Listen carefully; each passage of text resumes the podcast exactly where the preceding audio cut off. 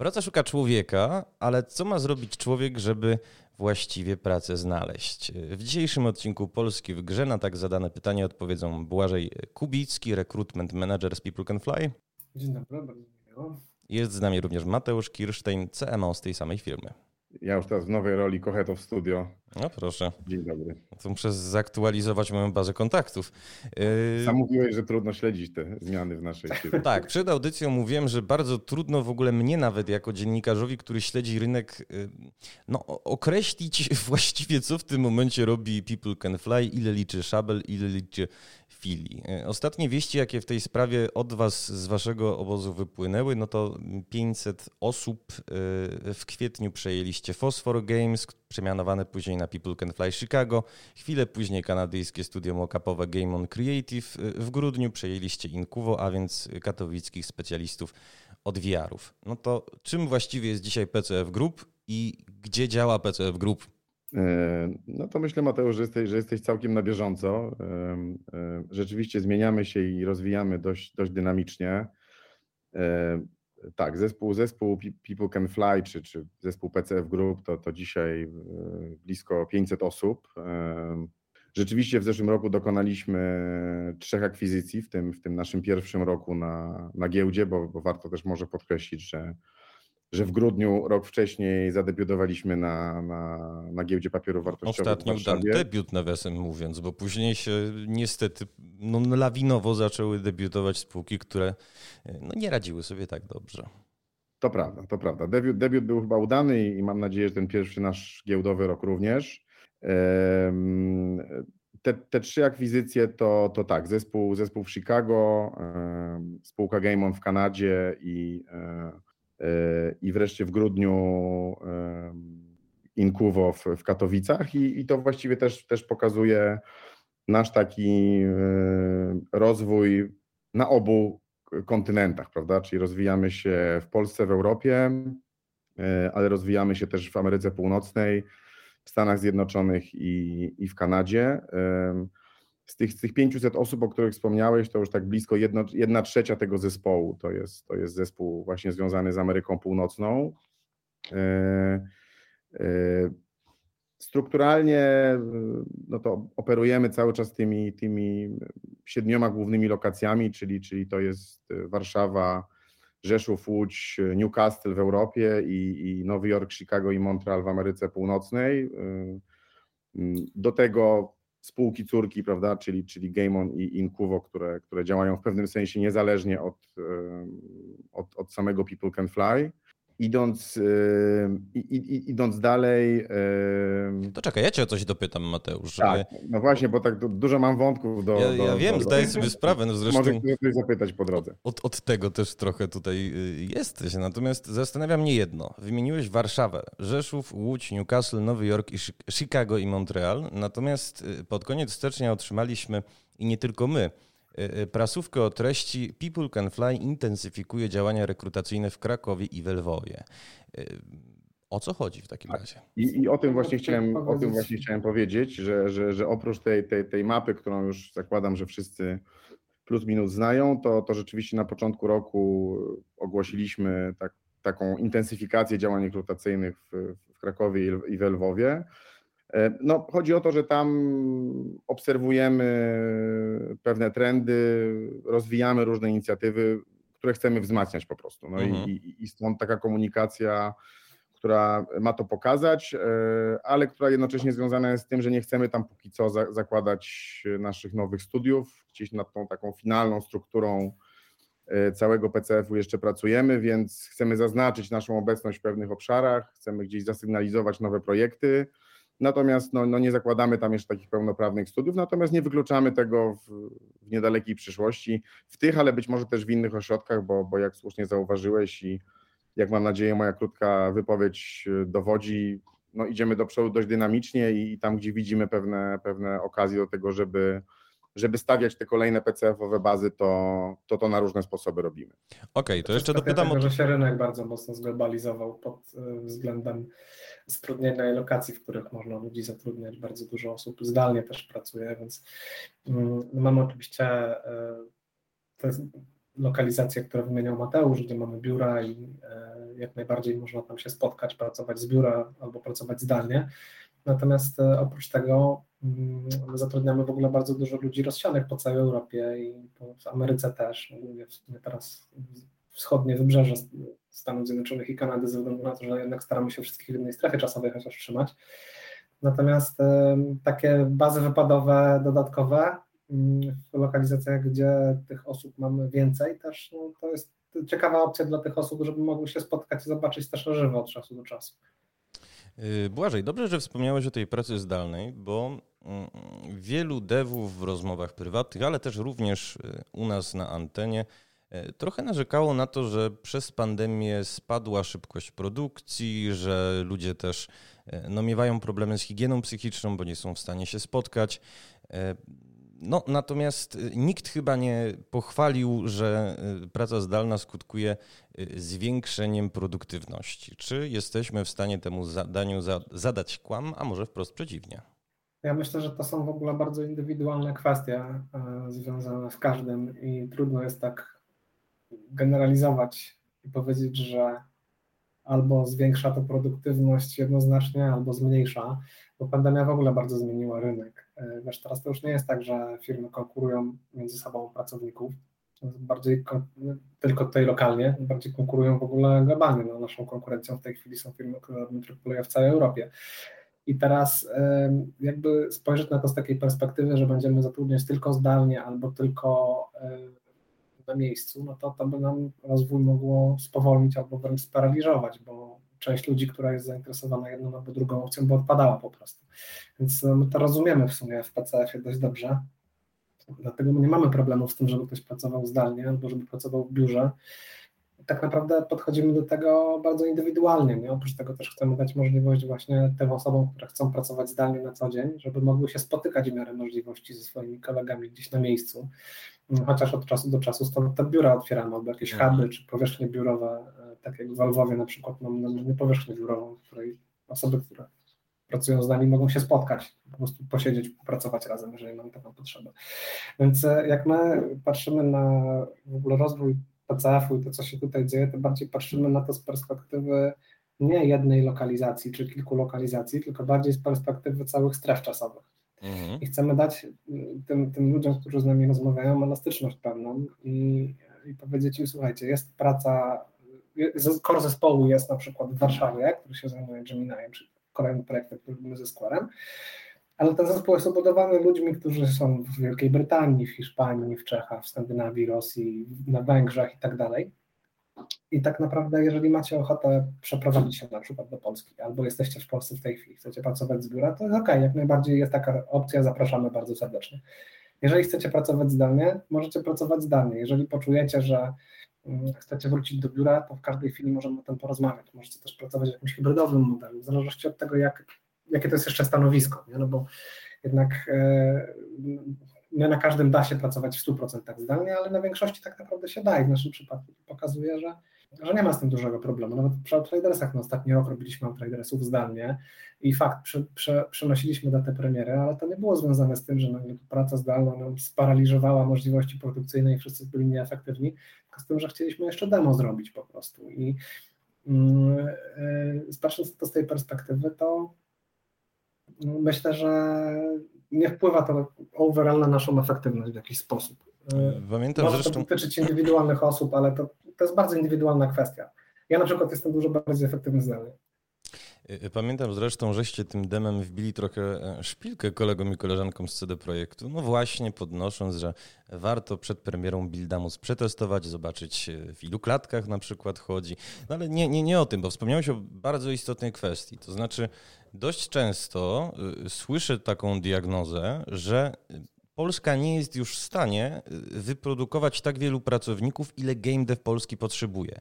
To znaczy, wedle raportu Game Industry Conference i PARP-u jest już w ogóle w naszej branży zatrudnionych y, no właściwie armia 12 tysięcy ludzi. Natomiast no, nie nadążamy rzekomo z, z popytem, jeżeli chodzi o rynek pracy. Czy taką diagnozę podzielasz? E, podzielam jak najbardziej, ale ta diagnoza nie dotyczy tylko Polski. To jest w ogóle diagnoza, która dotyczy całego rynku globalnie. To jest rynek, który rośnie 20-30% rocznie chyba teraz, nie? Już ja tracę rachubę, jak szybko on rośnie, ale rośnie po prostu w tempie zastraszającym i cała ta branża rośnie, nie tylko w Polsce. I mam wrażenie, że to nie jest kwestia tutaj lokalna, bo jedyną rzeczą, która ogranicza teraz rozwój tego rynku, biorąc pod uwagę modele biznesowe firm, które pracują z publisherami, którzy mają return investment ogromny, to jest tak naprawdę liczba ludzi, która jest w stanie gry produkować. Tak naprawdę jedyną rzeczą, która ogranicza rozwój tej branży w tej chwili, to nie jest technologia, nie są pomysły, to, są, to, są, to jest dostęp do kompetencji po prostu, umiejętności, wiedzy, ro, mówiąc brzydko, roboczo godzin, e, czyli ludzi, którzy faktycznie usiądą i będą w stanie pracować przy tych grach, e, które gdzieś tam są e, do zrobienia. I owszem, tych ludzi przybywa z roku na rok, jak najbardziej. Powstają uczelnie, powstają kursy, ludzie się sami dokształcają, wpadają do tej branży z innych branż, bo nagle zobaczyli, że jednak to jest taki sektor biznesowy, że no, można też tutaj żyć i mieć się całkiem dobrze i, i, i, i wygodnie i fajne rzeczy robić tylko że ten przyrost ludzi nie jest na tyle szybki, żeby te potrzeby wszystkie zaspokoić. To, to nie jest tylko i wyłącznie kwestia Polski. Jak sobie spojrzymy na przykład na Montreal, to tam dopiero jest hardcore. Tam w miesiącu się otwierają dwie, trzy firmy games devowe. W miesiącu każdym, więc wyobraź sobie, co tam się dzieje. No, konkurencja pracownika jest duża. Rynek, jak wspomniałeś, rośnie o kilkadziesiąt nawet procent rocznie. Natomiast y, pytanie, czy nie rośnie też ryzyko? Dlaczego do tego piję? W 2019 y, na Steamie samym zadebiutowało 8 tysięcy premier, rok później już ponad 10 tysięcy.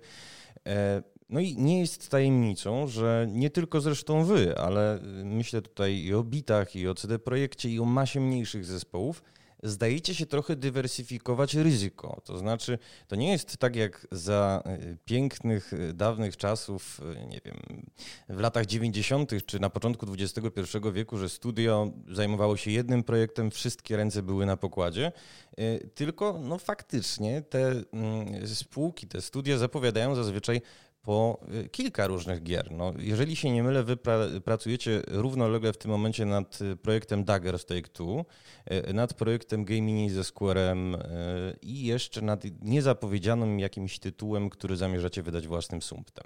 No, na pewno na, na, na, na to, co dzieje się w PCF-ie i na tych zjawiskach, które obserwujemy na rynku i o których mówi Błażej, no, Nakłada się też to, że my jako, my jako studio zmieniamy się też e, w zakresie naszego portfolio, prawda? Że rzeczywiście jeszcze do niedawna byliśmy studiem, które no plus minus przez, przez kilka lat pracowało nad jednym dużym projektem, który, który szczęśliwie miał swoją premierę w zeszłym roku.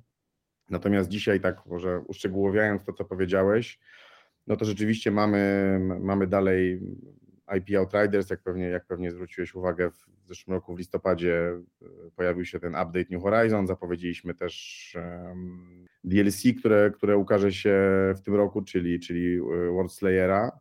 Natomiast tak, rzeczywiście mamy, mamy oprócz tego dwa duże projekty z wydawcami, czyli to jest właśnie Gemini ze Squarem i, e, i Dagger Take to Interactive. No mamy projekt self-publishingowy, który, e, który zapowiedzieliśmy i który się dość dynamicznie rozwija.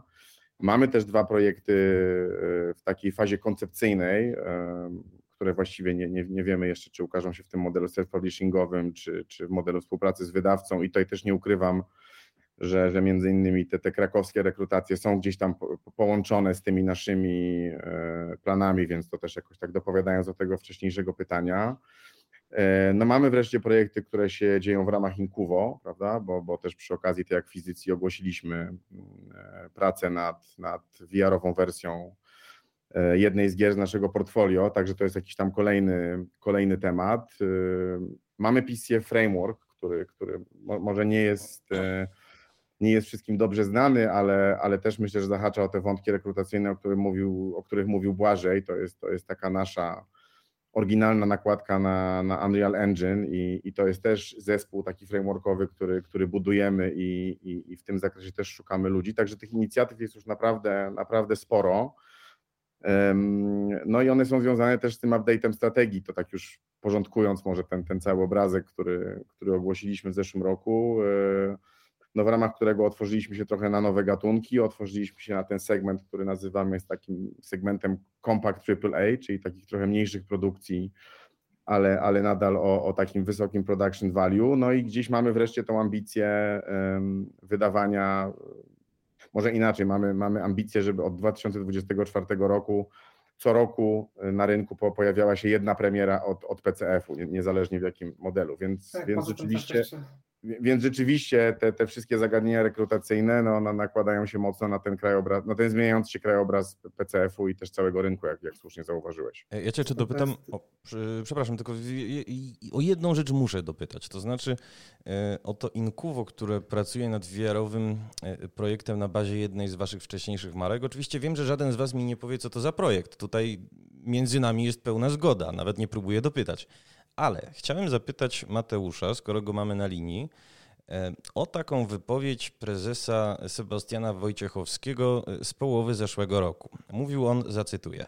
Ceny są oderwane od rzeczywistości e, w kontekście polskich studiów. Tymczasem pod koniec roku, no raptem parę miesięcy później, wykupujecie katowicką firmę. No i pytanie, czy te ceny się do rzeczywistości zbliżyły? Mi się wydaje w ogóle, że Sebastian odpowiadał już na to pytanie.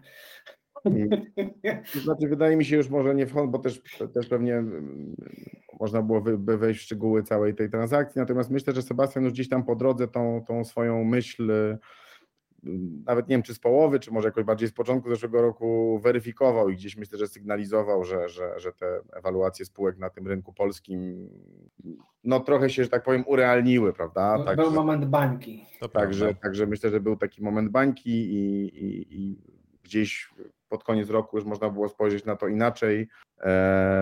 No i jakieś różne też oczywiście inne okoliczności zbiegły się i, i, i okazało się, że, że takie przejęcie jest możliwe i, i z perspektywy naszej grupy sensowne, ale żeby nie mówić tylko o, bo tak trochę opowiedziałem to wszystko w kontekście takich pewnych zagrożeń, które może zasygnalizowałeś, prawda, czy takiej przepychanki e, rynkowej, myślę, że mam, znaczy mam nadzieję, że to jest też taka przestrzeń, która dla, dla, potencjalnych kandydatów może być ciekawa, prawda? My staramy się być takim studiem, w którym dużo się dzieje, w którym można ten game dev ugryźć. Tak, ja różnych stron. powiedzieć, jak się próbowałem wciąć wcześniej. To już, tam to, jest to oprócz się... tej bezpieczeństwa tego inwestycyjnego z punktu widzenia prowadzenia biznesu, też to wprowadza pewien komfort i higienę pracy dla ludzi, którzy tutaj e, z nami siedzą, bo te projekty triplejowe, one często mają dosyć długi cykl produkcyjny, to są 3, 4, 5-letnie procesy, e, gdzie no, ktoś na przykład musi zrobić 50 takich samych stołów, jak jest artystą, nie? Albo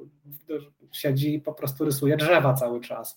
I w pewnym momencie takiego, jak się już kończy ta faza koncepcyjna, tej preprodukcji, najfajniejsza, taka, gdzie wszyscy chodzą i wymyślają fajne pomysły, potem wchodzi ta szara rzeczywistość produkcyjna, która może być czasami bardzo długa. E, my dzięki temu, że mamy dużo projektów, jesteśmy w stanie tym ludziom zapewnić trochę więcej atrakcji, może tak określił, niż jeden projekt, przy którym będą musieli spędzić po prostu bite 5 lat, no już na koniec się z niego nie wypiszą, bo głupio, nie?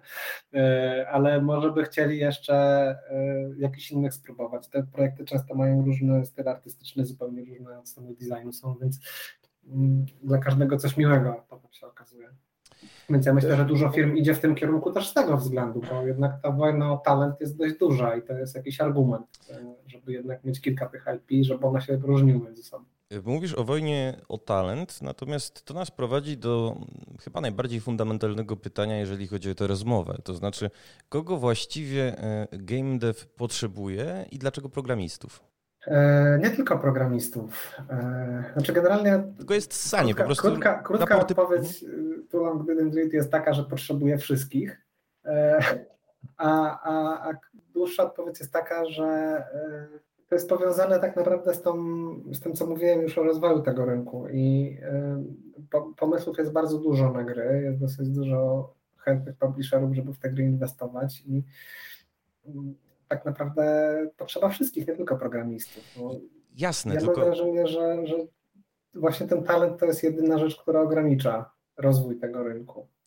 Także no, Games Dev potrzebuje każdego, nie tylko programistów. Programiści są bardzo kluczowi, jest ich mało i, i o dobrych programistów jest trudno, ale tak samo trudno jest bardzo, o, o bardzo dobrych technikal artystów, o technikal animatorów, animatorów, cinematikowców, koncepciarzy. Tak naprawdę zespół, w ogóle branża growa jest taki common misconception, ja mam wrażenie, że ona jest mylona z rynkiem IT przez bardzo wiele osób. Tak. I, i, i rynek IT to są faktycznie programiści, software house'y tego typu, e, tego typu osoby. Natomiast w firmach, które się zajmują grami, programiści to jest może jedna trzecia całego zespołu deweloperskiego.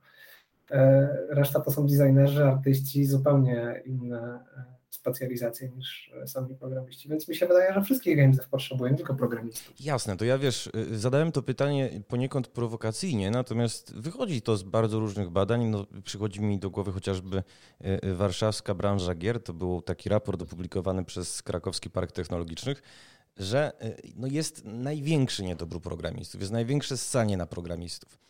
Ale żeby się nad tym nie zatrzymywać, to chciałem zapytać, jako że jesteś ekspertem, jeżeli chodzi o e, e, rekrutację. Mamy też ze sobą Mateusza, który w ogóle e, no, jest kluczową osobą, jedną z kluczowych figur w firmie. Czy jesteśmy w stanie stworzyć jakiś taki destylat kompetencji, które w game devie mogą być przydatne? Destylat kompetencji. Dobre, Z mojej perspektywy nie ma czegoś takiego jak nieprzydatne kompetencje, szczególnie w branży kreatywnej. To, to, to chyba jest takie, taka nadrzędna kwestia i myślę, że w tej branży pracują ludzie z tak różnym backgroundem, z tak, różnymi, z tak różnym wykształceniem, z tak różnymi wcześniejszymi doświadczeniami, że oni zawsze te, te kompetencje są w stanie wykorzystać, czy przy tworzeniu gry, czy w pomaganiu w ogóle w prowadzeniu firmy. W PCF-ie to w ogóle można w bardzo fajny sposób zaobserwować, bo ta, ta branża jest w ogóle taka bardzo hermetyczna, czy była od lat, e, odkąd ja pamiętam, i bardzo zamknięta na ludzi spoza innych branż. Natomiast e, w People Can Fly ja pracuję z bardzo wieloma osobami, które w ogóle przyszły spoza tej branży, zupełnie spoza niej i wnoszą super rzeczy, które sprawiają, że my jesteśmy do bardzo wielu rzeczy w inny sposób podejść i na inny sposób na nie spojrzeć. To jest taka branża, która od 20 lat się kisi we własnym kociołku. Nie? Goście wyrośli z garażu wszyscy, robiąc gry w, mało, w małych zespołach. Te zespoły zaczęły rosnąć, firmy się zaczęły profesjonalizować i tak dalej, ale nadal to się wszystko kisi w tym samym sosie. Nie? Jak jesteś spoza tej branży, to no będziesz mówił, jak się gry robi, to przecież my tutaj robimy. A tu się okazuje, że właśnie te kompetencje spoza branży mogą bardzo wiele wnieść. Mam co najmniej kilka świetnych przykładów ludzi, którzy do PCF w ogóle przyszli spoza games devu kompletnie. Skąd przyszli? I zrobili super rzeczy. No, z, banków, z y, instytucji y, IT właśnie jakichś większych. No, nawet CEO nasz Sebastian, przecież jest gość spoza branży. Tak, tak, ekonomista. PCF-u zupełnie z innej branży. On pracował wcześniej w mediach. Może to z nim jest związane to, że, że ta, ta otwartość na, na, na ludzi, którzy są spoza tego tematu, bo oni też potrafią coś wnieść i zaproponować. E, natomiast no, te kompetencje wydaje mi się bardzo różne tutaj są e, potrzebne i w tworzeniu gier tak samo, no nie ma kompetencji, które by były nieprzydatne. No dobra, no może Chociaż nie, no nawet ja znam gościa, który jest stolarzem, jest świetnym artystą tak naprawdę w grach pracuje, jest stolarzem. No to stolarzem. Okazuje się, że też można to wykorzystać, nie? do robienia environmentów na przykład. No to bez wątpienia, tylko Przedziwny transfer w takim razie, ale jeżeli owocny, to tylko przyklasnąć. Zresztą mamy oklaski na podorędziu, specjalnie na taką okazję trzymane. Ciekawe, czy będzie słuchał. będzie wiedział, że to oni. Gratulujemy y, oczywiście, e, ale skoro wspomniałeś o tym stolarzu y, i o, o, w ogóle o osobach spoza branży, to powiedz mi, gdzie można właściwie nabyć jakichś doświadczeń e, czy właśnie kompetencji, które mogłyby być w game devie przydatne? Co to też e, ten, ten rozwój rynku i ten sukces, który tutaj w Polsce się odbywa, to rzeczywiście w dużej mierze e, ten rynek się tak rozwinął, mam wrażenie, na bazie sukcesu Wiedźmina i nagle się okazało, że produkt taki znany konsumentom i, i ten rynek się w ogóle bardzo z tego powodu stał popularny. Natomiast wraz z tą popularnością to też no, sporo uczelni zaczęło otwierać kierunki związane z tworzeniem gier w ogóle. Taki jeden z pierwszych ośrodków to w sumie chyba była Politechnika Łódzka, to pamiętam jeszcze tam w 2015 roku jeździliśmy, to bardzo mały kierunek był. Natomiast e, coraz więcej e, uczelni zaczęło te kierunki otwierać. E, do branży też coraz więcej trafia osób spoza branży, programistów, którzy się pasjonują grami obok uczelni gdzieś tam eksperymentowali sobie z różnymi silnikami komercyjnymi, na przykład właśnie z Unrealem, postawili na to, żeby w tym C++ dobrze programować. Po prostu się tym, tym rynkiem interesują. Popracowali sobie gdzieś parę lat w jakimś software house albo w banku i stwierdzili, że teraz gry będą mhm. robić. Więc tam też można nabyć umiejętności, które my wykorzystujemy na przykład. Kiedyś to było no trudno było ludziom spoza branży wbić się do branży już z jakimś doświadczeniem paruletnim już programistą. W PCF-ie to robimy i, i, super sukcesy odnosimy e, z tym. Ci ludzie sobie świetnie radzą w ogóle po jakiejś indukcji, tylko trzeba mieć program onboardingowy dobrze przygotowany po prostu. Powstaje też coraz więcej e, inicjatyw w stylu, nie wiem, Games Dev School albo tego typu miejsc, które też kształcą ludzi e, w kontekście tworzenia gier. Tam trochę mniej chyba na programowanie akurat się stawia, bardziej na kwestie designu, artu, narracji, to też jest bardzo ważne, bo to, to, tego się akurat jest trudno nauczyć. Mm, I, to wszystko są takie bardzo solidne podstawy, które, które można zdobyć, żeby się do tej branży dostać. Nie, zawsze się każdemu uda może być do jakiegoś dużego trzyplejowego studia od razu. Często jest tak, że ktoś zaczyna pracę w mniejszym studiu i potem dopiero do takich większych gier e, przechodzi, ale też tak naprawdę to nie każdy ma parcie na to, żeby w AAA pracować. Jest dużo osób, które wolą pracować przy mniejszych grach na przykład i też chwała im za to, bo dzięki temu mamy super mobilki albo super jakieś grindy na Unity robione i tego typu rzeczy, więc mm, no myślę, że coraz więcej jest tych miejsc. E, jeszcze parę lat temu trudno było wymienić, natomiast e, Teraz to już nie jest tak, że tylko samemu się można uczyć tego i gdzieś tam pasja jakaś y, w domu po godzinach. Teraz faktycznie są miejsca, nie można się tego nauczyć. Jest masa tutoriali w internecie teraz też tak naprawdę wszystkiego się można nauczyć z YouTube'a. Y, no, myślę, że to naprawdę, jak ktoś chce, to, to tutaj jest bardzo wiele opcji, żeby tam wiedzę zdobyć. No i to też jest taki rynek, gdzie już to, to nie jest branża dla pasjonatów tylko, nie? po prostu można żyć normalnie, wygodnie, jak trzeba to wziąć kredyt hipoteczny na przykład. Nie? Dobra, tylko może tutaj... warto, tu może warto też dodać, że no, no, my, my jako studio też, też w takie różne inicjatywy się angażujemy, prawda? Mamy, mamy współpracę tak. z FIZem w Rzeszowie, teraz mamy nową współpracę z, z, z uczelnią w Wielkiej Brytanii staramy się gdzieś na różne sposoby też tych ludzi młodych, którzy game devem się interesują do, do tej współpracy nauki zapraszać i to też staje się dla nas jakiś sposób na, na budowanie zespołu.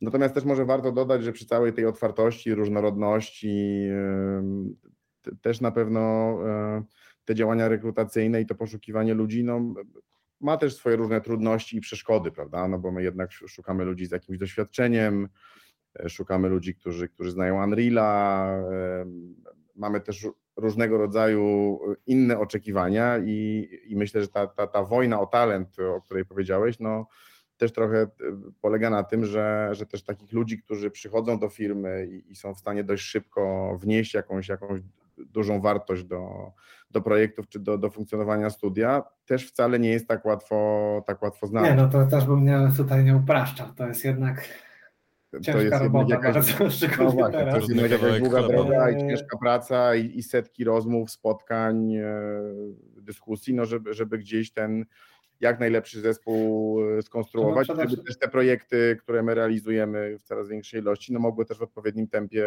e, jak słusznie zauważył Błażej, iść do przodu, prawda? Także, także my rzeczywiście staramy się być takim, takim demokratycznym miejscem i, tak. i, i trochę może przełamywać różne schematy budowania tego teamu game devowego, natomiast no, oczywiście też na różne ograniczenia napotykamy.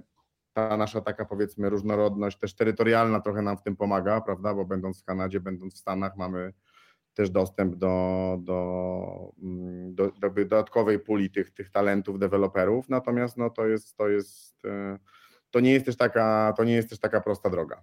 Czy my przede wszystkim szukamy ludzi z doświadczeniem triplejowym. To też jest e, bardzo istotne właśnie to, co mówi Mateusz. To nie jest tak, że my tutaj bierzemy armię praktykantów i z różnych rynków zasysamy ludzi i e, robimy gry, bo tak się nie da. Jak najbardziej szukamy ludzi z doświadczeniem triplejowym. Nie ma czegoś takiego jak za dużo tego doświadczenia w czymś profilu zawodowym. E, no na pewno szukamy takich ludzi, którzy chcą się pracować, którzy chcą robić fajne rzeczy, nie boją się ambitnych projektów też od, ale też takich, od których możemy się nauczyć czegoś, którzy od nas mogą się czegoś e, nauczyć. E, z tym Unrealem to tak trochę już wyluzowaliśmy, Mateusz, tak by the way. jest istotny dla nas, ale to już nie jest tak, że ktoś Unreala nie zna, to e, nie będziemy e, e, dyskutować, jak najbardziej jesteśmy na to otwarci. Bardzo wiele osób ostatnio też nawet zatrudniliśmy bez Unreala. Też wdrażamy sobie właśnie taki program onboardingowy do Unreala dla, dla wszystkich, e, którzy do nas przychodzą. No, tak naprawdę no, się Unrealem zajmujemy od 15 lat, to się pewnie nie zmieni, więc jak ktoś lubi Unreal albo by chciał polubić Unreal, to pewnie my jesteśmy takim najlepszym miejscem w Europie, zaryzykuję stwierdzenie, żeby się tego poduczyć Y, bardzo mi... Albo inaczej, prawdopodobnie najlepsze miejsce w A tak, trzeba mieć y, taką y, pułapeczkę zabezpieczającą. No, ex-epic to wiem, zobowiązuje. Natomiast bardzo mnie cieszy, panowie, że polski GameDev.pl może tutaj być takim pomostem komunikacyjnym pomiędzy różnymi członkami People Can Fly. A kończąc, życzę wam no oczywiście... Celna uwaga, celna uwaga. Kończąc, życzę wam, żebyście w takim razie rekrutowali, rośli, no i lecieli jak najwyżej, nawiązując do nazwy studia. Moimi gośćmi byli dzisiaj Błażej Kubicki. Dziękuję bardzo za rozmowę. I Mateusz Kirstein. Dzięki wielkie.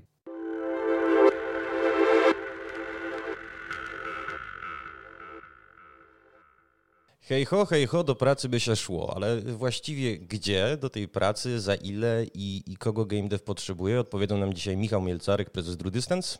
Dzień dobry, cześć. Oraz Ola Sondej, również Drew Distance. Siema. E, drogi i droga, e, pytania już de facto zadałem, to znaczy e, wiem, że agresywnie rekrutujecie. Kogo wam właściwie trzeba i, i za ile i po co? Programistów.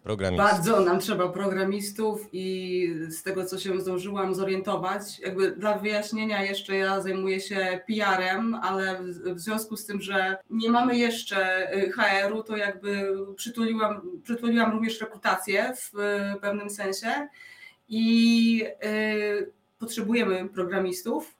I wszyscy inni również potrzebują programistów, więc jest to na ten moment takie no, oblegany ten, oble, o, o, o, oblegany temat. Y, pamiętam właśnie raport KPT na ten temat y, mhm. i potwierdzę de facto Twoje diagnozy. To znaczy jest największe ssanie, jeżeli chodzi o programistów. Ale poruszyłaś bardzo ciekawą kwestię. To znaczy, y, kiedy ja ostatni raz byłem u Was w siedzibie, to mieliście osób 15. Kiedy Ty dołączałaś, było ich 20. Teraz jest 60. Mhm. Czy tych 60 osób pracuje nad serial cleanersami i nad jakąś visual novelą, czy może macie w planach coś innego? Nie, mamy, ma, ma, mamy plany, o niektórych y, powiemy więcej, o innych y, trochę mniej. E, ja dołączyłam do Draw Distance y, prawie rok temu. Stuknie mi, dosłownie pod koniec tego stuknie mi rok. Mm, faktycznie wtedy to była e, mała firma w małym biurze, która chciała się rozwijać i chciała po prostu mieć nowe podejście do, nie wiem, do marketingu, do PR, do robienia gier E, i się budować. Nie? Ja dołączyłam w momencie, kiedy Mielu e, uznał, że idziemy do przodu, profesjonalizujemy się, jak tylko to jest możliwe. No i ten, no i teraz po roku czasu nagle się zorientowaliśmy, tych ludzi przybywało faktycznie co jakiś czas, tutaj było na tym mówiliśmy, o już 30, o już 40, nagle było już 50 i dobiliśmy do 60 w tym momencie. Także również teraz e, dlatego rekrutujemy HR, żeby też po prostu mieć kogoś, kto tymi ludźmi, procesami i tak dalej zarządzi. E, ale tak, nie cała ta ekipa pracuje absolutnie nad Serial Cleaners. Jak wiesz, mamy zapowiedziane, znaczy zapowiedziane, powiedzieliśmy o tym, że robimy dwa kolejne projekty. Tak. tak, także no, te ekipy są tutaj podzielone. My jeszcze wypracowujemy w tej chwili to, jak dokładnie jak, jak to będzie wyglądało, czy będą to podzielone zespoły, e, robiące powiedzmy, jeden zespół robi jeden projekt, drugi zespół robi drugi projekt i się nie mieszają, czy na przykład będziemy iść trochę na zakładkę, dlatego że nasz, nasz plan jest taki, żeby e, docelowo robić dwa projekty AA jednocześnie, bo z tym też wiąże się rozwój, nie? Jakby trochę wychodzimy już z, z indyków i idziemy w kierunku AA. Mielu, a ty mi powiedz, bo wyście rezydowali w domu, kiedy jako się rzekło ostatni raz was byłem, teraz się rozrośliście w ciągu roku trzykrotnie. E, na ile wy musicie wprowadzać jakieś korporacyjne struktury, korporacyjne procedury? No bo Ola mówi, że chociażby właśnie myślicie nad zatrudnieniem osób do działu HR. Dobrze, to ja może, mo, może zaczniemy od tego, że się rozrośliśmy trzykrotnie w ciągu roku. To, to tak nie do końca jest prawda. Było nas trochę więcej niż 20, więc jakby spokojnie. Yy, jakby dobra, ale, ale nie będę tutaj jakby tam wchodził w szczegóły. Ok, troszeczkę rośniemy. To jest, to jest prawda. To jest powiązane yy, z naszymi chęciami, naszymi ambicjami i też z liczbą tematów, które gdzieś tam nam wpadają i którym nie możemy się oprzeć. nie chcemy z nich rezygnować. To jest również kwestia tego, że, że gdzieś to sobie zaplanowaliśmy wcześniej i też dzięki projektowi geminowemu, który robimy, który jakby przewidywał wzrost zatrudnienia, jesteśmy w stanie te rzeczy zrobić. Mm, mówisz o, mówisz o domu, czyli mówisz o naszym, y, to było mieszkanie w sumie wynajmowane w niewielkiej kamienicy na ulicy Moniuszki, czyli całkiem niedaleko tego miejsca, w którym jesteśmy w tej chwili, jesteśmy na Cystersów. Y, jak ja dołączałem do, jeszcze wtedy iPhone for All, teraz, teraz Draw Distance, y, to, to wtedy jeszcze ta firma zajmowała jedno pomieszczenie w budynku architektury na Cystersów 9, byliśmy, sąsiadowaliśmy z Blueberem. Tak naprawdę to, to, to było biuro Bluebera, to było biuro Bluebera, w którym my po prostu mieliśmy trochę miejsca dla siebie, ale faktycznie w pewnym momencie trzeba było już iść na swoje, więc tak gdzieś jakoś się odłączyć, więc poszliśmy niedaleko, bo na właśnie na Moniuszki, to i ja nie pamiętam ile nas tam było, może 10 osób i wtedy robiliśmy pierwszego serial cleanera i tam doczekaliśmy do premiery serial cleanera i to był 2017 rok y, lipiec, a pod koniec sierpnia się przenieśliśmy w miejsce, w którym, w którym jesteśmy, znaczy do tego budynku, bo tutaj też zmieniliśmy mm, biuro w ramach budynku. Tak? Teraz jesteśmy na parterze, jest miejsca dużo więcej niż było. My mieliśmy, mieliśmy 150 metrów i zakładaliśmy, że to będzie takie rozwojowe na, na przyszłość, bo wtedy nie było tego nie było potrzebne, żeby 10 osób na takiej, takiej yy, przestrzeni mm, pracowało, a teraz mamy nie wiem, prawie 400, tak? więc to, to rośnie. Niestety rosną też koszty z tym związane. Yy, tak, ale, ale, ale tak, rzeczywiście dużo, dużo, dużo się zmieniło. Myślę, że dokładnie jest to tak, jak chcieliśmy, żeby było, ale jeśli chodzi o te, to Twoje pytanie, jakieś procesy korporacyjne i tak dalej, wiesz co, my, my o tym myślimy od, od dłuższego czasu, tak? My się tego nie boimy. Ja wiem, że jest takie postrzeganie, że indie powinno robić indie rzeczy, tak, jakieś w garażu. Ja nie do końca postrzegam naszą firmę jako, jako dewelopera indie. Tak? My nie robimy takich bardzo, bardzo indie rzeczy, jak nie wiem, Baba is You, albo może, może mniej indie, ale wciąż, wciąż w takim duchu indie, czyli na przykład Hair Story. My nie robimy takich gier, raczej staramy się iść w kierunku w te, iść w kierunku double A-ów, tak? To jest nasze założenie od, od, od dłuższego czasu i my po prostu, wiesz, staramy się rozwijać taki sposób, żeby tam dotrzeć, tak? ale to jest cały czas, e, cały czas idzie w tym kierunku. No i jako, wiesz, jakby, że wiemy, że chcemy tam iść i umówmy się, jesteśmy na New Connectie, e, sięgamy po dofinansowania, tak, e, pracujemy z wydawcami, to nie wygląda tak, wiesz, niepoważnie, nie wygląda na, może nie chciałbym, żeby to brzydko zabrzmiało, tak, bo niepoważnie, nie, że Indie nie jest poważne, tylko to wygląda już tak bardzo mimo wszystko z boku tak trochę korporacyjnie, tak? I, i tak jest. I po prostu staramy się, żeby, żeby tak było i nie, procesy takie, jakieś wiesz, wdrażanie procesów, jak zatrudnianie HR, wiesz, my tak naprawdę jesteśmy już trochę za, spóźnieni z tym HR-em, tak? Na mhm. szczęście już to, już to niedługo nadrobimy, bo no właściwie kończymy rekrutację, więc już jesteśmy w domu, jesteśmy zadowoleni, yy, tak, nic nie mówimy, ale yy, nie, jakby nas nie przerażają generalnie takie, takie wiesz, wprowadzanie procesów, wprowadzanie, stabilizowanie chaosu, może tak nazwijmy. I to, że to się robi korporacyjne, yy, spoko. Tak? Są dobre rzeczy w korporacjach i złe. Tylko jak uniknąć tych złych? Bo ja oczywiście mam cały czas z tyłu głowy firmę, której może nazwy nie wymienimy, pierwsza litera C, ostatnie litery projekt, e, w której e, doskonale zdajemy sobie sprawę, że te korporacyjne procesy no, troszeczkę były kamieniem u szyi w pewnym momencie, no bo nakładały się na siebie kompetencje pracowników, e, no bo chcąc awansować właśnie osoby, które są w firmie bardzo długo, przydzielało się im jakieś stanowiska, w których no właśnie, musieli się kłócić w ogóle o swoje działki.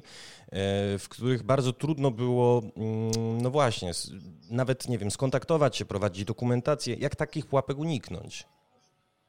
Wiesz co, w tej chwili e, taką pierwszą rzeczą, kiedy już mam nadzieję niedługo dołączy do nas e, osoba do HR-u, razem z producentami, razem z, tam z jakby działem operacyjnym u nas chcemy mm, stworzyć taką jakby po prostu setting stone strukturę firmy, z rozpisanymi stanowiskami, z rozpisanymi opisami tych stanowisk, czyli chcemy, żeby każdy w firmie miał jakby jasno określony zestaw obowiązków, dlatego że czasami, mm, wiesz, czas, czasami problemy wynikają głównie z braku komunikacji i chcemy w ten sposób zapobiec, wiesz, jakiemuś tam rozwarstwieniu się właśnie, wiesz, y, tego, co ludzie myślą, versus, co, co mają robić versus to, co naprawdę powinni robić. Także e, to, to jest taki pierwszy krok i to jest w tej chwili najważniejszy jakby proces, który musimy wprowadzić i który jakby już jest trochę, im, jest trochę im progres, ale musimy go, wiesz, dopiąć. Tak, bo coś mi się tu kłóci. To znaczy, z jednej strony mówisz, że chcecie, żeby każdy miał jasno określony zestaw mm obowiązków, ale z drugiej strony wiadomo, że już nawet w tym momencie draw distance stoi na przynajmniej trzech nogach i że te osoby mają fluktuować między projektami, co zresztą nie jest oczywiście głupie, no bo przecież zdarza się, mm że mhm. osoba jest mniej potrzebna na jakimś etapie produkcji, a mogłaby tutaj wesprzeć inny zespół wewnętrzny. Czy, czy no właśnie, tutaj nie ma jakiejś e, między tymi dwoma stanowiskami? E, nie, dlatego że mi, mi, chodzi bardziej o to, że na przykład wiesz, e, każda z osób będzie miała określoną wiesz, nazwę stanowiska, której odpowiadają jakby tam konkretne obowiązki. To, czy ona będzie pracowała przy jednym czy, przy drugim projekcie, to jest jakby krok dalej, nie? Jakby w tym momencie będziemy, jak będziemy mieli tę strukturę, będziemy dokładnie jakby, wszystko będzie jasne, kto się czym zajmuje, co robi, gdzie leżą jego, wiesz, jego kompetencje i tak dalej. E, będziemy wtedy też mogli, będzie nam łatwiej tych ludzi, powiem nieładnie, gdzieś przesunąć, czy tu, czy tu i, i, i zdecydować, wiesz, przy którym projekcie, co będą robić, nie? Dobra, powiedzcie mi, bo mm, tak krążymy wokół tego, że robicie trzy projekty równocześnie. Czy niezależnie od tego, jak y, to nazwiemy, bo y, to może być zespół indie, to może być zespół produkujący double A, ale musi dzisiaj stać, y, no właśnie, na kilku nogach równocześnie, bo to widzimy, słuchajcie, od, nie wiem, spółek playboyowych, które tworzą fejkowe trailery i czekają na zapisy na wishlistach, po naprawdę duże zespoły typu CD Projekt, które chcą tworzyć dwa AAA, czy, czy Techland, który też wiadomo, że tworzy swój fantazy projekt Flying Wildcock w tym momencie cztery projekty, PCF też chyba cztery. Generalnie y, mało już jest takich y, teamów, które rzeczywiście skupiają wszystkie siły na tylko i wyłącznie jednej grze. Wiesz co, ja, ja myślę, że nie ma czegoś takiego jak musi. Y, myślę, że to wszystko jest wypadkową chęci, możliwości, również finansowych, umiejętności zespołu, wiesz, jak patrzysz na Super Giant, to, to, oni, to oni nie muszą, tak? Oni robią jedną grę i im wystarczy i jakby oni się na tym skupiają, chociaż oczywiście, słuchaj, zawsze, zawsze to jest ryzyko. Zawsze ryzyko, że jak robisz jedną rzecz i ona nie wyjdzie, no to koniec, tak? Jakby albo, albo stracisz bardzo dużo pieniędzy i wtedy zacznie się troszeczkę nerwowy okres i, i, i wiesz, w którym będziesz panikował i szukał różnych rozwiązań. My byliśmy trochę w takiej sytuacji po pierwszym serial cleanerze, który nie okazał się takim, wiesz, instant success. Nie? Mhm. Y, gra koniec końców y, tam wyszła, wyszła na swoje i, i, i fajnie, i sporo osób w nią zagrało. Natomiast to był długi proces i my w międzyczasie mhm. rzuciliśmy się na następny projekt, potem tak naprawdę zaczęliśmy szukać kolejnych tematów. Y, ja myślę, że dla takiego, dla, ogólnie tak dla dobra, zdrowia psychicznego, może tak nazwijmy, dwa projekty takie główne to jest y, najlepsze rozwiązanie dla, dla firmy, tak? ale wiesz, no trudno mi się wypowiadać za, za dużą, duże, duże firmy jak y, firma na C i, i, i wiesz, ostatnia litera projektu, tak jak powiedziałeś. Y, więc, więc wiesz, nie, nie jestem w stanie powiedzieć, jak oni na to patrzą, natomiast u nas to trochę, to jest też kwestia, wiesz, wypadkowej tego, co my możemy, co chcielibyśmy też robić i jakie są nasze ambicje, ale jednocześnie jakaś taka filozofia firmy ogólnej i to, z jakimi ludźmi pracujemy, tak? Bo też w jakiś sposób staramy się dobierać ludzi do tego, co my sobie gdzieś tam uważamy, że być powinno i co byśmy chcieli robić. I my też mamy w głowie to, że nie, wiesz, jakby czas leci, tak? Jakby mhm. zrobienie double A, jeszcze tam nie jesteśmy, ale, ale wiesz, jakby samo robienie gier 2-3 lata, może 4 i, i nagle się okazuje, że tych gier nie, nie ma przed tobą zbyt wiele. Tak? Jakby zrobisz ich 5 na przykład i okaże się, że minie 15 lat. To jest, to jest bardzo dużo. Nie? I, I nagle masz taką myśl, że a może byśmy mogli zrobić coś nie, mniejszego, trochę się wyżyć, trochę, trochę uciec z tego, yy, z tego miejsca, w którym przez 3, na przykład 2-3 lata robimy jedną rzecz. Tak? Też tak, żeby ludzie ochłonęli. Więc yy, to nie zawsze jest taka, wiesz, dobra, na pewno chcemy dwa projekty robić i tyle, że to jest jedyna sensowna ścieżka, ale tak jak pytasz mnie, jak to widzę, tak wiesz, co jest bezpieczne, mhm. czy co może być bezpieczne, no to myślę, że ide, a takie optymalne by było, gdybyśmy robili dwa y, większe projekty jednocześnie na zakładkę. To znaczy jeden jest na innym etapie niż drugi. Tak? Jeden jest bardziej, nie wiem, tam w, w, już zaawansowana alfa albo już bliżej bety, druga gdzieś dopiero się do alfy zbliża. Tak? Więc, więc jeszcze jest to, że mamy jakby możliwości dzięki temu, że mamy partnerów, którzy chcą z nami pracować, nie? Jakby mamy też wydawców, którzy nam e, zaufali i chcą z nami robić rzeczy. I to jest też, wiesz, to, to, to, to też nam otwiera jakby kolejne e, możliwości, co jest bardzo fajne. Jeszcze, jeszcze kolejną rzeczą jest to, że my się chcemy technologicznie rozwijać, więc też um, fakt, że robimy te kilka projektów, umożliwia nam powiedzmy, no teraz będziemy planowali też y, pracę na, na, na, na nowym silniku, w sensie przy, mhm. chcemy przeskoczyć w którymś momencie na Unreal'a po prostu, więc wiesz, więc, więc, więc to też nam to umożliwia, nie? I y, też mhm. umożliwia nam to przejście na, wiesz, na, na kolejny y, silnik w ten sposób, że nie jest to jak, jakiś dramat w postaci, wiesz, opuszczenia ludziom ściany, tylko można się powoli wdrażać, wiesz, uczyć i tak dalej, i tak dalej, nie? Kropla drąży skałę. Mhm. Mielu powiedziałeś na, e, takie zdanie, na które zwróciłem uwagę. Robisz jedną rzecz i ona nie wyjdzie i tam później mm, no, mhm. zasugerowałeś, że zespół będzie, mm, nie chcę tutaj być wulgarny. E, powiedz mi, czy takim zespołem nie są przypadkiem poliamoryści, których wchłonęliście? No bo nie jest tajemnicą, że Paradise Lost powstawało, jeżeli się nie mylę, 4 lata, jak nie trochę dłużej. Nie sprzedało się wybitnie, natomiast no, zespół był duży i pochłaniał duże koszta. Mm. Pomidor? szukam tak. E, nie, znaczy, wiesz, nie chcę się wypowiadać za, za, za Grześka, który, który prowadził Poliamorus, no bo na pewno on, wiesz, wie dokładnie jaka była historia, e, ale tak, no jak patrzymy na to z boku, faktycznie robili jeden projekt i robili go bardzo długo. Cóż, czy możemy powiedzieć, że za długo? Pewnie tak, ale y, to jakby wiesz, tworzenie gier, budowanie nowego zespołu, bo to, to, to był nowy zespół, tak? Mhm. była nowa ekipa, która, która gdzieś tam miała jakieś, jakieś marzenie, żeby coś zrobić i dociera, docieranie się, wiesz, jest też ambitne, jak ktoś nagle przychodzi i mówi, ok, zakładamy nową firmę i pierwszym naszym projektem będzie Double A, nie? Bo, bo gdzieś tam powiedzmy, gdzieś mierzy, y, Paradise Lost w to mierzył. Więc bardzo ambitne założenie. Trudno mi powiedzieć, czemu aż tak długo ta gra powstawała. Wiem, że w pewnym momencie, jak były odpowiednie już osoby, to, to produkcja poszła szybko i, i, i fajnie. Natomiast też, też y, jakby dużo jest tutaj. Dużo jest różnych tematów, dla których wiesz, jakby coś mogło się, coś mogło pójść nie tak. I Jasne, znaczy mnie, wiesz co, dopytuję trochę... Koniec, mhm. koniec końców jakby na pewno wiesz, na pewno masz jakieś założenie, kiedy zaczynasz, tak? I jakby założeniem jest, dobra, spróbujmy pracować nad jedną rzeczą i chcesz ją dowieść, tak? Ale jak się trochę przedłuża ta produkcja, coś jest nie tak z ludźmi, to w sensie, że się nie, nie dogadują na przykład, tak? Czy, nie, czy, nie, czy jakby okazuje się po roku, że jednak się nie, nie, nie wiem, nie jesteście, nie macie tej samej wizji, tak? Nie nadajecie na tych samych falach, wiesz, no jakby to trwa i nagle zaczyna się taka sytuacja, w której no musisz na coś postawić, tak? I teraz czy zacząć budować nową grę, ale to oznacza, to nie jest tak, że wiesz, po prostu zaczynasz robić nową grę, potrzebujesz ludzi do tego, trochę kasy więcej, wiesz, nie da się tak po prostu nagle powiedzieć, ok, dobra, zróbmy coś innego, albo zróbmy coś, e, niech robi ktoś jakąś drugą, mniejszą grę, na tym będziemy zarabiać, a w międzyczasie dokończmy swój projekt, tak? To nie tak łatwo przeskoczyć, więc jeżeli no jest dużo, dużo firm faktycznie, które próbują, yy, wiesz, mają nadzieję, że ta pierwsza gra okaże się sukcesem. No my też tak myśleliśmy z, wiesz, z Cleanerem, tak? I, I też wpadliśmy w pewne turbulencje, z których szczęśliwie udało się yy, wyjść, ale których skutki tak naprawdę do dzisiaj odczuwamy, tak? Więc yy, nie jest to łatwe, ale fakt faktem, yy, no ekipy tutaj no, do koniec końców nie wyszło. Mm, mam nadzieję, że u nas znajdą dobre, fajne no, e, miejsce, fajny, fajny dom. To już znaleźli. Ja w, chciałam w przyszłym tygodniu chcę się z nimi umówić i ich poznać, bo jeszcze nie miałam ten, nie miałam okazji z nimi porozmawiać.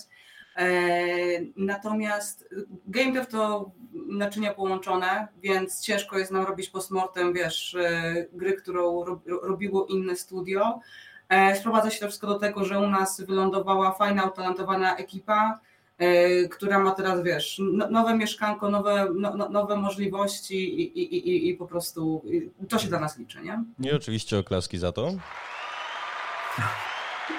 Tak, mamy efekty dźwiękowe, ale to krótkie oklaski, ponieważ tematów jeszcze trochę y, mamy. To znaczy, co do poliamorystów, bo ja wcale nie twierdzę, że to jest zła gra. Po prostu wydaje mi się, że trochę ominęła moment, w którym walking simy, takie eksploracyjne przygodówki jak, nie wiem, Everybody's Gone to the Rapture, czy podkoszulek najbliższy ciału gry Bluebera, y, miały po prostu swoje momentum sprzedażowe. Ale nie o tym, bo słuchajcie, jest kwestia, którą troszeczkę, wokół troszeczkę się której kręcimy, a którą wypada poruszyć, to znaczy Jakie właściwie kompetencje w branży są potrzebne i co osoba, która chciałaby u Was pracować, powinna zrobić, żeby lepiej wypaść? Na rozmowie mm. kwalifikacyjnej. Mm -hmm,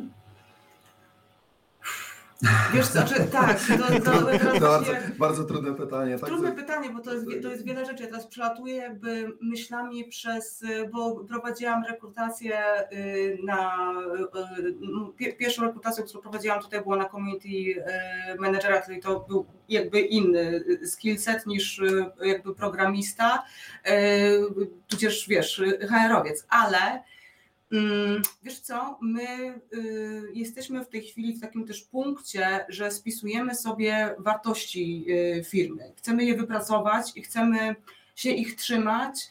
E, tworzy, tworzymy tam gdzieś też regulamin w ogóle firmy i myślę, że mm, my też patrzymy na ludzi pod kątem tego, czy oni do nas pasują, czy my się z nimi że my się z nimi dogadamy i nie chodzi mi o to, że wszyscy mają być jednakowi, bo to, bo, bo, bo, bo to wręcz przeciwnie. E, my tu mamy naprawdę zestaw totalnie, wiesz, ludzi z, z, z różnych parafii i, i, i, naprawdę bardzo ten, bardzo, bardzo od siebie różniących się, ale mm, mm, jakbym miała ci powiedzieć, co ja jakby, co ja czuję, my stawiamy w dużym stopniu po prostu na szacunek. Mhm. E, my chcemy, żeby pracowały tutaj osoby, które będą się wzajemnie szanować e, w zespole. I to myślę jest, to tak, no to, to ja, ja, ja tak na czuja idąc widzę właśnie, mhm. widzę właśnie to. Czyli na przykład programista, nacjonalista nie odnalazłby się w e, Draw Distance? Myśl, szczerze? Myślę, że, Myślę, nie. że nie. Myślę, że nie. nie. nie. To znaczy, wiesz, my nie, nie jak za, nie, nie, nie, robimy, nie mamy kwestionariusza takiego, wiesz, nie zadajemy pytania, czy wiesz, czy, czy głosujesz na tę partię, czy na tamtą, tak? Czy to jakby, co myślisz o, o tej grupie, a co myślisz o tamtej, tak? nie mamy czegoś takiego i oczywiście nam nie wolno takich rzeczy robić i zresztą nie przyszłoby nam to do głowy, że, ale, ale z rozmów gdzieś tam wychodzi, tak? I my nie potrzebujemy jakichś takich tego typu konfliktów. Jest bardzo dużo rzeczy do rozwiązania, bardzo dużo problemów, tak, które, jeśli chodzi o samą produkcję, o ułożenie produkcji, o, o, o komunikację. Y, wiesz, są ludzie, które, którzy długo pracują w tej branży i, i mimo wszystko mają jakiś swój styl pracy, nie, jest im trudno przeskoczyć w coś innego. Tak? Mhm. Tu, tu mamy nad czym się skupiać, a niekoniecznie nad tym, że ktoś ma, wiesz, jakieś no nie chcielibyśmy tracić czasu na, na, na jakieś ideologiczne wiesz, kłótnie, więc, więc yy, po prostu no raczej staramy się pracować z ludźmi, którzy są otwarci, którzy są, yy, którzy potrafią tak respektować prawa innych i, i no i, i tyle, tak? Tutaj, tutaj, jest, jest, jest, są mile widziani ludzie, którzy którzy nie chcą, y, jak to powiedzieć, nie chcą zabronić, in, odebrać innym prawa do życia. No. Tak, my, ten, my, my, my tutaj, to, to jest firma, gdzie możesz być sobą yy, po prostu. Um, o ile nie jesteś o ile, osobą, o, o ile nie jesteś, tak, o, o, o, ile to nie, bycie sobą nie jest po prostu, wiesz, w sprzeczności z jakimiś z naszymi wartościami po prostu, tak. a jakby, no traf chciał, że te wartości, które my gdzieś tam wypracowujemy, no, opierają się, mm, nie opierają się, nie są w zgodzie powiedzmy właśnie z wspomnianym przez Ciebie nacjonalizmem. Więc. Mhm. Mhm. Jasna sprawa. Y, pytam trochę jeszcze w kontekście jednego z naszych poprzednich podcastów, w którym y, Ewa Maria Szczepanowska, prorektorka Warszawskiej Szkoły Filmowej, wspomniała, że pracując z generacją Z, zauważa, czyli no, ludźmi jeszcze młodszymi ode mnie, zauważa taki brak y, umiejętności interpersonalnych i zastanawiam mnie, czy faktycznie wśród młodszych kandydatów wy też coś takiego y, diagnozujecie, zauważacie? Śmie, śmiejemy się, bo, bo, mamy bardzo, bardzo fajne, bardzo ciekawe postacie, jeśli chodzi o. o, o Mamy trochę dzieciarów tutaj. Tak?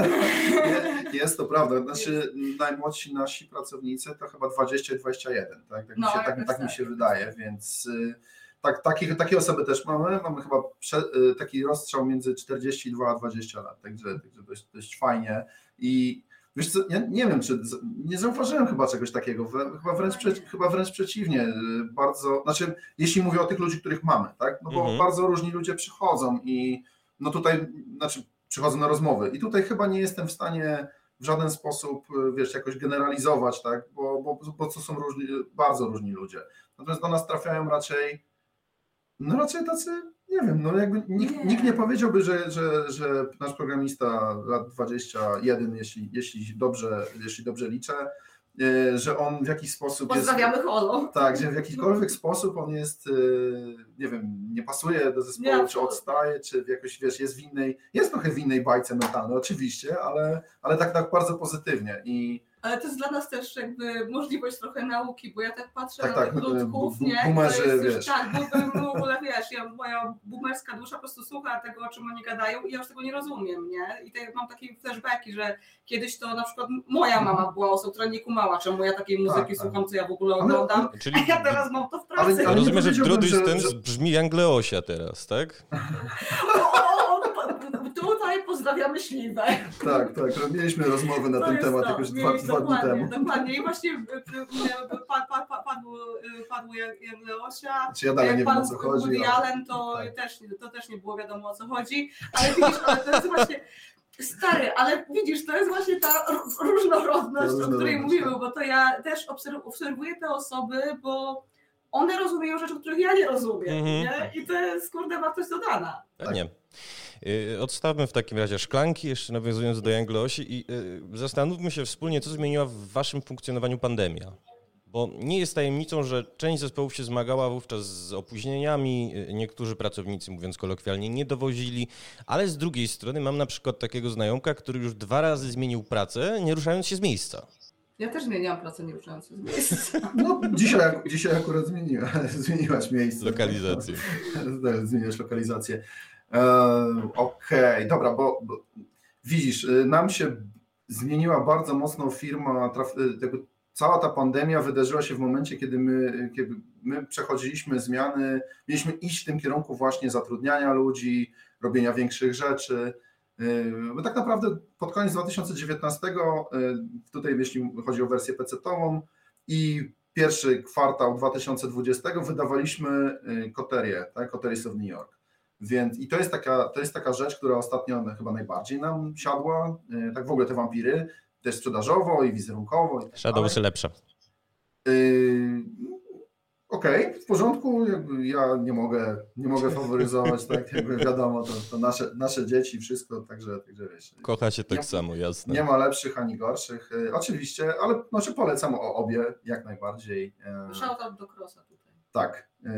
I no i to wygląda tak, że wiesz, fajnie zaczęło się dziać, my zaczęliśmy się nakręcać, przyszły fajne osoby też takie, które wiesz, wniosły dużo pozytywnej energii, my też byliśmy po, no, po takim dość trudnym okresie, te 2019 dużo, dużo e, zmian, trochę osób odeszło, trochę osób musiało odejść, e, wiesz, naprawdę, naprawdę bardzo, bardzo dziwny moment dla nas, trochę też nieudana premiera Rytuala, czy też, też bardzo nieudana, więc, więc y, ogólnie byliśmy w takim w dziwnym momencie, ale, ale dużo, jakby to, co zostało, ta ekipa, która została, miała chęć, y, jakby, jakby wiesz, trochę przeczyściliśmy to wszystko, tak, ta cała, całą naszą ekipę, tę całą naszą tutaj, cały zespół, atmosfera się zmieniła, no i jakby ruszyliśmy do przodu i przyszła pandemia, tak, no i co, co zmieniła pandemia? Y, nauczyliśmy, no musieliśmy się nauczyć pracować zdalnie, E, wiadomo, choć nie ukrywam, że nie ma jakiejś wielkiej miłości u nas do tego i, i jak jest możliwość, to ludzie wolą pracować z biura i się tutaj pojawiają i, i siedzą. Na szczęście nie mieliśmy jakoś wielu przypadków e, COVID. Oczywiście zdarzały się, ale to nie, nie sparaliżowało nam prac. E, nie było takiej sytuacji, że mm, nie wiem, mamy roczne opóźnienie, ponieważ wszyscy byli chorzy, nie wiem, wylądowali pod respiratorami i tak dalej. Na szczęście takich historii nie było. Ale, ale tak prawda jest, że to, że musieliśmy właśnie się nagle przenieść na, na pracę zdalną, potem, potem tak czasem pracujemy zdalnie, czasem nie. Ogólnie wyszło, że pracujemy hybrydowo, bo też no, dzięki pandemii, powiedzmy, że dzięki, otworzyliśmy się na pracę z ludźmi spoza Krakowa. Tutaj na przykład Ola jest wiesz, tak. dzięki temu z nami pracuje. Ola na, na co dzień jest we Wrocławiu. Mhm. No to tak, przyznała się. Także, także we, we Wrocławiu. Yy, mamy, mamy programistę w Poznaniu, mamy animatora w Warszawie, wiesz, i jakby to, to sprawiło, że, że jakby nauczyliśmy się, też, też prawdę mówiąc, dzięki temu byliśmy w stanie przy, przy, przyjąć z otwartymi ramionami ekipę yy, Polyamorous gdyż tam są ludzie, którzy w ogóle nie mieszkają w Krakowie. W Warszawie. Y, kilka osób w Warszawie, kilka osób poza Polską, więc wiesz, jakby trochę te, też się troszkę zmienia y, tutaj to studio również, że wiesz, otworzyliśmy się też na obcokrajowców. Także no, proces to... internacjonalizacji się nam tutaj. Tak, także, także ja, znaczy, ja znaczy nie ukrywam, że y, praca zdalna jest dla nas trudniejsza i, i wolniejsza y, niż taka praca na miejscu, dlatego jednak mimo wszystko staramy się być na miejscu. Ludzie też nie mają możliwości pracy za bardzo w domach. To nie jest tak, że każdy ma swoje biuro, tak? czy, czy każdy może wydzielić jakieś, do, jakieś spore miejsce na to, żeby postawić komputer, dwa monitory. Już nie mówię o samym transporcie tego, tak? Jakby to wiadomo, to można to załatwić, ale no niektórzy na przykład są chwilę w domu, trochę są w pracy i jak, jak tak naprawdę, czy oni mają wozić komputery, no też kwestia bezpieczeństwa, tak? zabezpieczenia danych, tak? z jakich sieci się łączą, to na pewno, na pewno jest taka gruba rozkminka, tak? jak to zrobić, żeby gdzieś przez nieuwagę ktoś nie udostępnił jakichś rzeczy, bo no, no, to jest, no to się wydarza, tak? To, to może się wydarzyć, to jest zawsze czynnik ludzki, a zwłaszcza w miejscu, w którym no, jakby my nie byliśmy do tego przygotowani. Tak? Jakby, ale wiesz, mhm. nikt z nas nie był. Tak? No, naturalnie, to, wiesz, wszystko się robiło po prostu na chybcika i, i wszyscy musieliśmy się tego nauczyć. Tak? Poza, poza, tak, Moon Studios jakby zawsze działało zdalnie, także... także oni... Moon Studios y, co przygotowuje? Twór, twór, twórcy Oriego. Ori, tak myślałem, no bo oni faktycznie tak, tak. I oni, z tego. oni, cała firma, wiesz, pracuje zdalnie. No i poza Simfabrik. E, ale dość o Simfabrik, y, drogi i droga, gdybyście mogli jeszcze, bo już musimy kończyć, ale w kilku słowach powiedzieć y, o tym nowym tytule dla Paradoksu. Czy to również będzie Świat Mroku? Czy to również będzie Świat Mroku? E, to będzie CRPG. Okej. Okay. No, taki lightowy. Taki lightowy. Taki lightowy tak. E, Z kombatem? W którym wykorzystamy część technologii zastosowanej w, w serial Cleaners. Z tematem. Hmm. Mm. Powiem, y, może, ja, może... Znaczy, ja, nie, inaczej, ja powiem. Ja no. się jaram. No wiesz, no kontynuujemy współpracę z Paradoxem, więc y, myślę, że można w jakiś tam sposób domyślić się mniej więcej, w którym to kierunku idzie.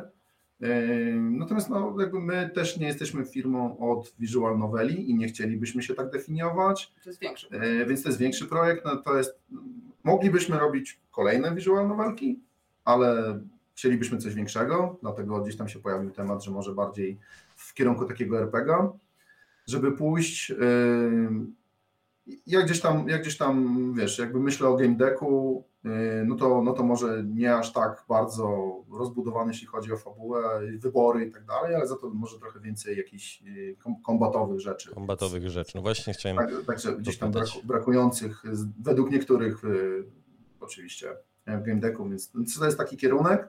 Zostaw na razie. Ale no, nie, no tak, no, wiesz co, będziemy, będziemy na pewno w tym roku o tej grze mówić. No, to, jest, to jest pewne, po prostu taki jest kierunek, taki, taki jest timeline, więc gdzieś tam nie ukrywamy, że no, musimy się oczywiście uporać z Serial Cleaners, ale też no, po prostu jesteśmy dogadani z wydawcą na to, żeby, znaczy z wydawcą, ja cały czas mówię wydawca, to no, nie jest nasz wydawca. Nie jest nasz, to jest nasz partner. Licencjodawca. Robimy tak, grę tak, z tak. Paradox Interactive. Tak. E, współpracujemy z nimi, oni też nam w niektórych tam aspektach po prostu pomagają. E, to jest, to, to, to, to jest partnerstwo, no, nie.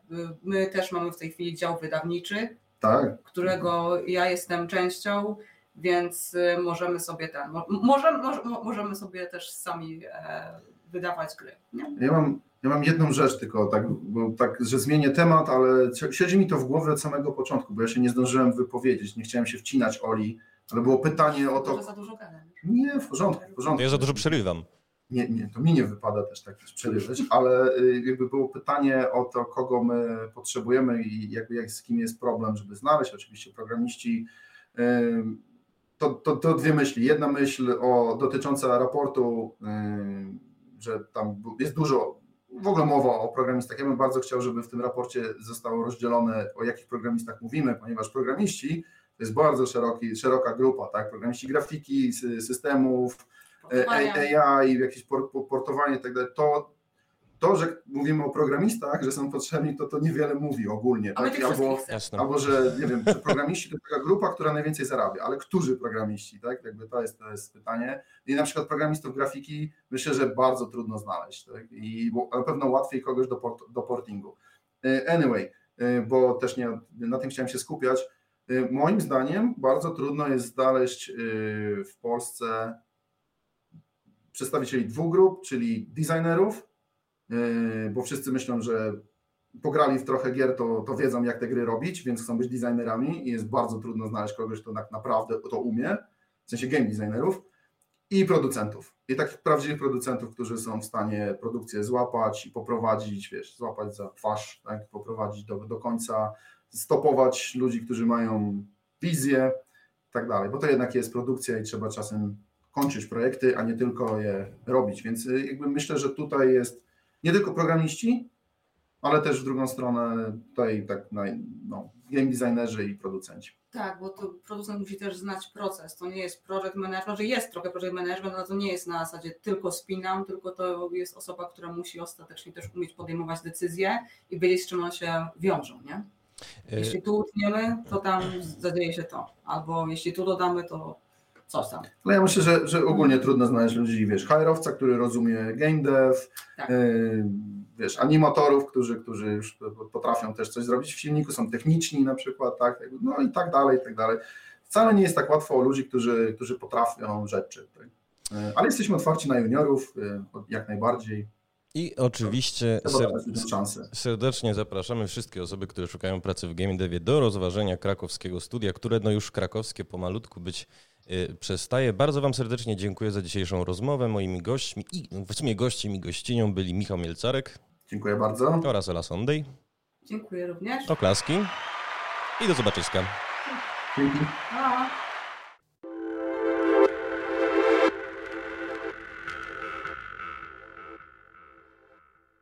Audycji wysłuchaliście dzięki wsparciu State of Poland i KGHM Polska Miedź.